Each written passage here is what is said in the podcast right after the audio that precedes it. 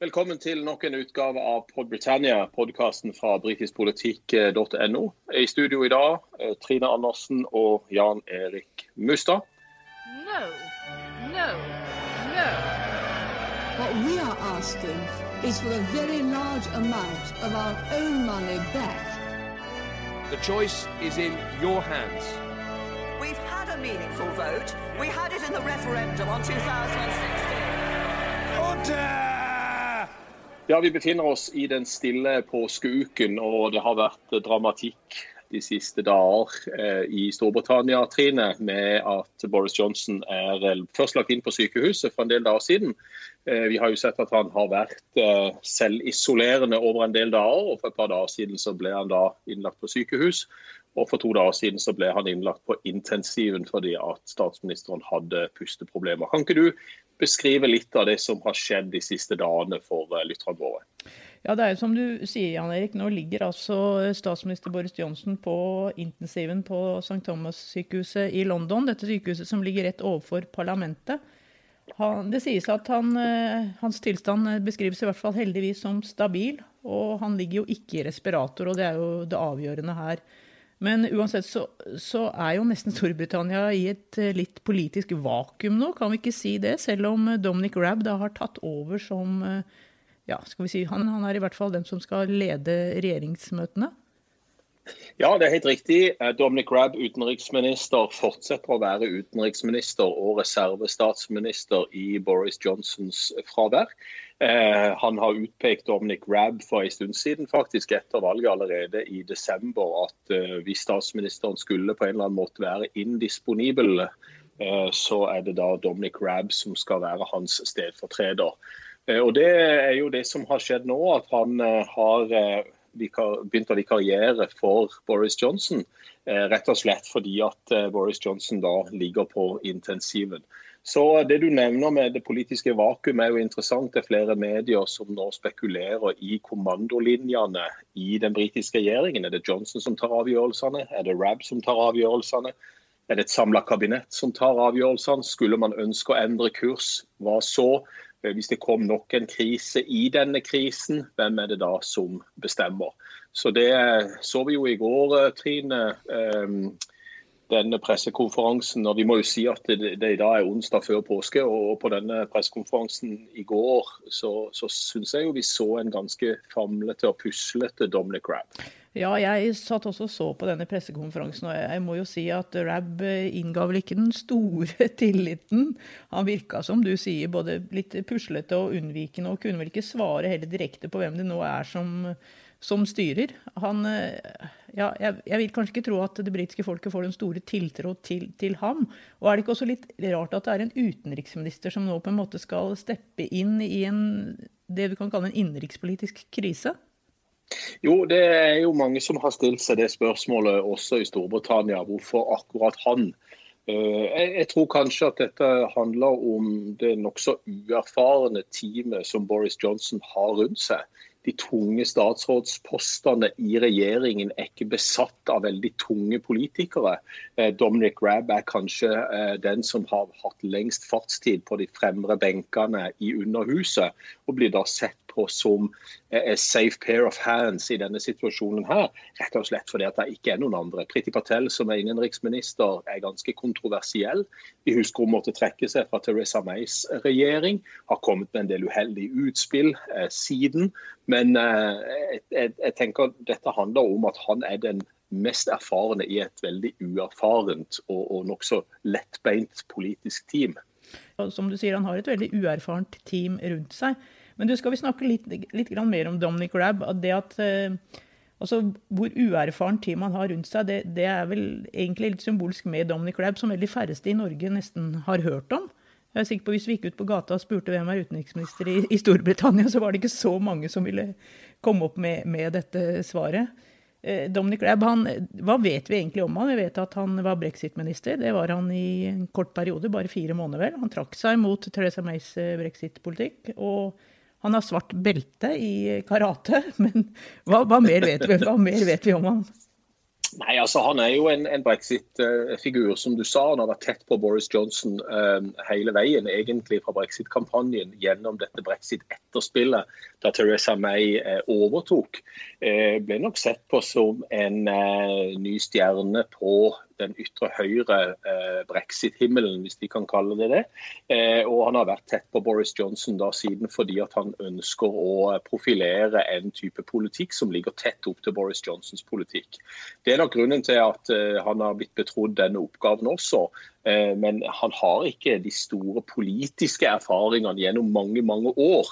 Eh, så, så eh, Dominic Rabb er jo en, en politiker som han kan konsentrere seg om den ene saken nå, fordi at vi er i denne krisen. Men, men, han har da ikke det store politiske rullebladet med de store politiske merittene bak seg. Men Det kan nok hende han går med en statsminister i magen, i hvert fall. For han var jo en av de som stilte i denne lederkampen som Boris Johnson da vant. Men da endte han på sjetteplass. Mm. Nei, Det er riktig som du sier. Han, han, eh, nådde jo ikke opp i den lederkampen. og Det var nok for tidlig for han også, fordi at han ikke har noe politisk erfaring utover dette eh, brexit. spørsmålet og, og denne brexit-kampen eh, og har vært en støttespiller for, for Johnson. Den andre tungvekteren i regjeringen må vi vel kanskje også nevne i denne sammenheng, nemlig Michael Gove, som nå er i, i eh, selvisolat etter han også har eh, merka symptomer. Jeg tror vel egentlig du at det er et, noen familiemedlemmer som har merket symptomene der. Derfor han sitter i karantene, men i karantene sitter han i hvert fall. Ja, så det, det, er familien, ja. ja. ja. Han er jo en tungvekter, men han er jo da helt ute av bildet i, i, forhold til å overta for Johnson. og Det kan jo være at dette har med karantene å gjøre, men vi, vi, vi regner vel kanskje med at hans uh, eh, uvennskap med Johnson, som kanskje de er blitt venner igjen nå, men, men iallfall at de var litt fiender under denne lederkampen, og at eh, de gikk litt forskjellig vei eh, etter Teresa May trakk seg som statsminister. Så Michael Gove var kanskje ikke den Boris Johnson stolte mest på akkurat i denne situasjonen. Men du, Jan Erik, eh, nå, Boris Johnson ligger jo altså på intensiven, og uansett eh, hva som skjer, vi får virkelig håpe at han friskner til. men ganske fort. Men uansett så vil jo dette sitte i han ganske lenge, antagelig. Dette er jo ikke bare en vanlig influensa. Hva, hva skjer da med, med selve statsministerposten? Forblir han da altså, Selv om han da blir indisponert og blir borte i en lang stund, hva skjer da? Nei, altså eh, Valget i desember i fjor var det det konservative partiet som vant. Eh, så hvis han skulle bli indisponert over en lengre tid, ja, så vil en eh, vikar steppe inn på en mer permanent basis, hvis vi kan si det sånn. Eh, helt til eventuelt det konservative partiet velger å, å, å velge en ny leder. Eh, som da blir en ny partileder og dermed en ny statsminister på mandatet til Johnsons valgseier og de konservatives valgseier i desember i fjor. Så dette er et partianliggende. og som, som eh, vi har snakka om tidligere, så er det partier som vinner valg i Storbritannia. Det er ikke enkeltpersoner. Så statsministerposten er ikke knytta til Boris Johnson, men den er knytta til partiet som er, er, størst i Underhuset etter et valg, og det er det konservative partiet for øyeblikket. Og så er det jo sånn at det er veldig mange tidligere statsministre som har vært syke opp igjennom. Eh, både Churchill, Harold Macmillan, eh, Anthony Eden på 50-tallet ble jo veldig veldig syk. Eh, så dette kan nok pågå en stund uten at det vil være noe krise. Spørsmålet er jo hva slags respons en midlertidig regjeringssjef og statsminister, en reserve, får fra den britiske opinionen, og hvordan han klarer å håndtere dette. Det vil jo kunne slå negativt ut ved neste korsvei, f.eks for det konservative partiet, men det vet vi jo ikke noe om. Nei, og Spørsmålet er jo også hva som kommer til å skje nå midt i denne koronakrisen. Hva slags eh, betydning det har. Nå er det jo meldt vel at eh, til, til uka så skal jo den britiske regjeringen ta en ny vurdering av hva, de skal, eh, hva de skal gjøre. Om de skal lette noe på restriksjonene, eller om de skal føre de videre. Hva tror du det kommer til å skje? Tror du, tror du det kommer noen avgjørelse nå når Boris Johnson ligger på sykehus? Han er jo blitt et slags symbol på en nokså nølende innføring av samfunnsstengning i Storbritannia nå. Eh, britene sammen med amerikanerne tok nok litt eh, lett på dette viruset. Eh, Johnson mente at dette skulle vi komme igjennom. Donald Trump sa at dette går bra, det er bare å fortsette som før. Vi stenger ikke skoler, barnehaver restauranter og puber i Storbritannia heller. Eh, vi, vi, venter og ser. Eh, og Nå sitter han altså der på intensiven og har hatt koronaviruset i kroppen ganske lenge. Vi har sett dette på disse videoene han har lagt ut fra Downing Street, at han jammen ikke har sett frisk ut. Eh, så, så, så, stor overraskelse at han har eh, fått disse problemene, er det kanskje ikke når en har fulgt med på, på de videoene som han har lagt ut. Eh, men samtidig så, så, er det vanskelig å si nå. Har vi jo sett i Norge at de løsner litt på ting i slutten av april. Men jeg tror britene kommer kanskje til å holde litt lenger. Problemet i Storbritannia hvis jeg bare kan smette inn det veldig fort, var jo at samfunnet gikk fra å være rimelig åpent til å bli ganske lukka fort. Så folk i Storbritannia fikk jo ikke tid til å avklimatisere seg til den nye situasjonen.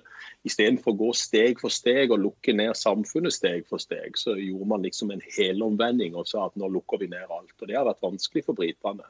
Eh, og Det kan òg være et moment når en tenker på om det er ting en skal åpne igjen etter hvert mot slutten av april, sånn som vi, vi gjør i Norge. Men det er jo dette vi, vi, sitter og lurer på når vi ser Dominic Rabb på pressekonferanser og hører hans uttalelser, at det, det er litt vage, eh, litt vage, svar her til alle journalistene eh, som har spurt han spørsmål. Og vi får på en måte ikke noe klart bilde om vi går i en retning som tilsier at de åpner etter hvert. Nei, og Situasjonen er jo langt mer dramatisk i Storbritannia også. De siste tallene viser jo at det er over 6000 som er døde. og Bare på det siste døgnet så er det jo 786, eh, meldt om 786 døde. Og det er mm. bare på sykehus. Ja. Så det er en ganske dramatisk situasjon i, i, Storbritannia akkurat nå. Og midt inni dette her så får de altså denne krisen med, med en statsminister som ligger på sykehus. Men tror du det også kan, kan føre rett og slett til at britene blir litt mer flinke til å, å holde seg hjemme? Ja, det er jo kanskje det som da jeg, la i eh, dette utsagnet med at han blir på en måte eh, et lite symbol på Storbritannias nølende innsats tidlig med å lukke ned ting og eh, ha denne avstanden til folk. Storbritannia er tett befolka. Det er 65 millioner i Storbritannia. Eh, det er en liten øy for å si det sånn, for 65 millioner mennesker. Vi ser hva som er skjedd i New York, der folk bor tett. Folk bor tett i Storbritannia òg. Eh, og dette med selvisolering er ikke så veldig lett for veldig mange mennesker. Eh, og når det da plutselig kommer en beskjed om at du skal selvisolere, så er det kanskje vanskelig for folk. Og Dermed så ser vi da statsministeren som kanskje blir et symbol på akkurat dette. Og det har satt en støkk i det britiske folket, det er ingen tvil om det. Det ser vi jo på reaksjonene da Boris Johnson Johnson forleden ble lagt inn på intensiven, hvordan folk reagerte på dette. Et døgn etter dronninga hadde holdt sin inspirasjonstale, så kommer altså denne sjokkbeskjeden om at statsministeren deres eh, er lagt inn på intensiven med pusteproblemer. Så det kan ikke, det, det, det kan ikke være lett for britene heller eh, i denne situasjonen. Men, men, ja, som du sier, det kan godt være at dette er med å, å, å hjelpe på i forhold til at folk nå ser alvoret på en helt annen måte enn det de har gjort før. Og at det da blir tiltak i, i lengre periode i Storbritannia for å, for å flate ut kurven. Ja, og I Downing Street så er det jo ikke bare Boris Johnson som er ramma. Her er det jo hans politiske, nærmeste politiske rådgiver Dominic Cumming er, er, vel også i, Cummings er vel også i karantene med symptomer. Helseministeren mm. hadde, fikk påvist eh, covid-19. Den mm. medisinske rådgiveren, eh, den fremste medisinske rådgiveren har også vært sjuk. Så her, her har virkelig Downing Street blitt hardt ramma. Men jeg hørte akkurat Gordon Brown i, i, på BBC her si at uh, han syns kanskje ikke det var så rart, i og med at i Downing Street 10 og 11 så er det altså ca. 100 mennesker som jobber. Og som han sier, så det, er det veldig liten plass. Veldig mange mennesker og veldig vanskelig å holde en, en, god avstand. Og når de da heller ikke tok det så alvorlig da, til å begynne med, så er det kanskje ikke så rart at det rammet akkurat så hardt der. Men det, men det er jo også sikkert noe som kommer til å bli vurdert eh, når denne krisen en gang er over. Jeg synes det er et veldig godt poeng at, at Downing Street 10 og 11 blir på en måte et slags symbol på, på hvordan Storbritannia har det det er trangt i Downing Street og det er trangt i Storbritannia. Mennesker bor tett sammen, og det er vanskelig å stoppe. og Kanskje nettopp derfor burde man, burde man på et tidligere tidspunkt vært litt føre var og, og, gradvis lukka ned det britiske samfunnet istedenfor å ha det åpent på denne måten. Og det, det, det, er, jo, det er, jo, i seg selv vanskelig å, å, si i etterkant, og det er lett å være etterpåklok. og Vi er ikke medisinere, verken du eller meg, Trine, men det er en slags sånn følelse av at, eh, at eh, det gikk for lang tid før de satte i gang disse tiltakene. Ja, absolutt. Og, og nå, nå, ser jeg også i dag, Det er jo ikke bare Gordon Brown, men også flere britiske statsministre har nå vært ute og beroliget det britiske folk og sagt at ting går, går sin gang selv om uh, Boris Johnson ligger på sykehus. Jeg ser at i går til og med så hadde var Teresa May ute i BBC, og hun er ikke den som uh, veldig, er veldig villig til å snakke med mediene, men hun var også ute for å berolige folk og sa at, at regjeringen vil fungere, ting vil gå som de skal, selv om uh, statsministeren ligger på sykehus. Så uh, ja, vi kan kanskje være glad at det ikke er en president som er syk, med ene mer, mer sånn ja, her er det en regjering som sammen skal, skal ta avgjørelser. Vi får bare håpe at det ikke blir en rivalisering innen den regjeringen da, i den tiden som kommer. Ja, det er jo dette Vi er litt usikre på hvordan disse eh, bestemmelseslinjene nå kommer til å bli. Om det er en syk Boris Johnson som blir konsultert, eller om det er kabinettet som da blir ledet nå av Dominic Rabb, som kommer til å ta de avgjørelsene de neste dagene og ukene fremover. Men ja, eh, Skal vi bare avslutte Jan Erik, med å, å, si at vi får ønske Boris Johnson god bedring og håpe han er raskt tilbake igjen i Downing Street? ja, nå er det mer medmenneskelige ting som teller enn politikk. Så vi får håpe at han blir fort frisk, og at eh, han kommer seg på beina så fort som mulig. What we are asking is for a very large amount of our own money back. The choice is in your hands. meaningful vote. We had it in the referendum on 2016. Order!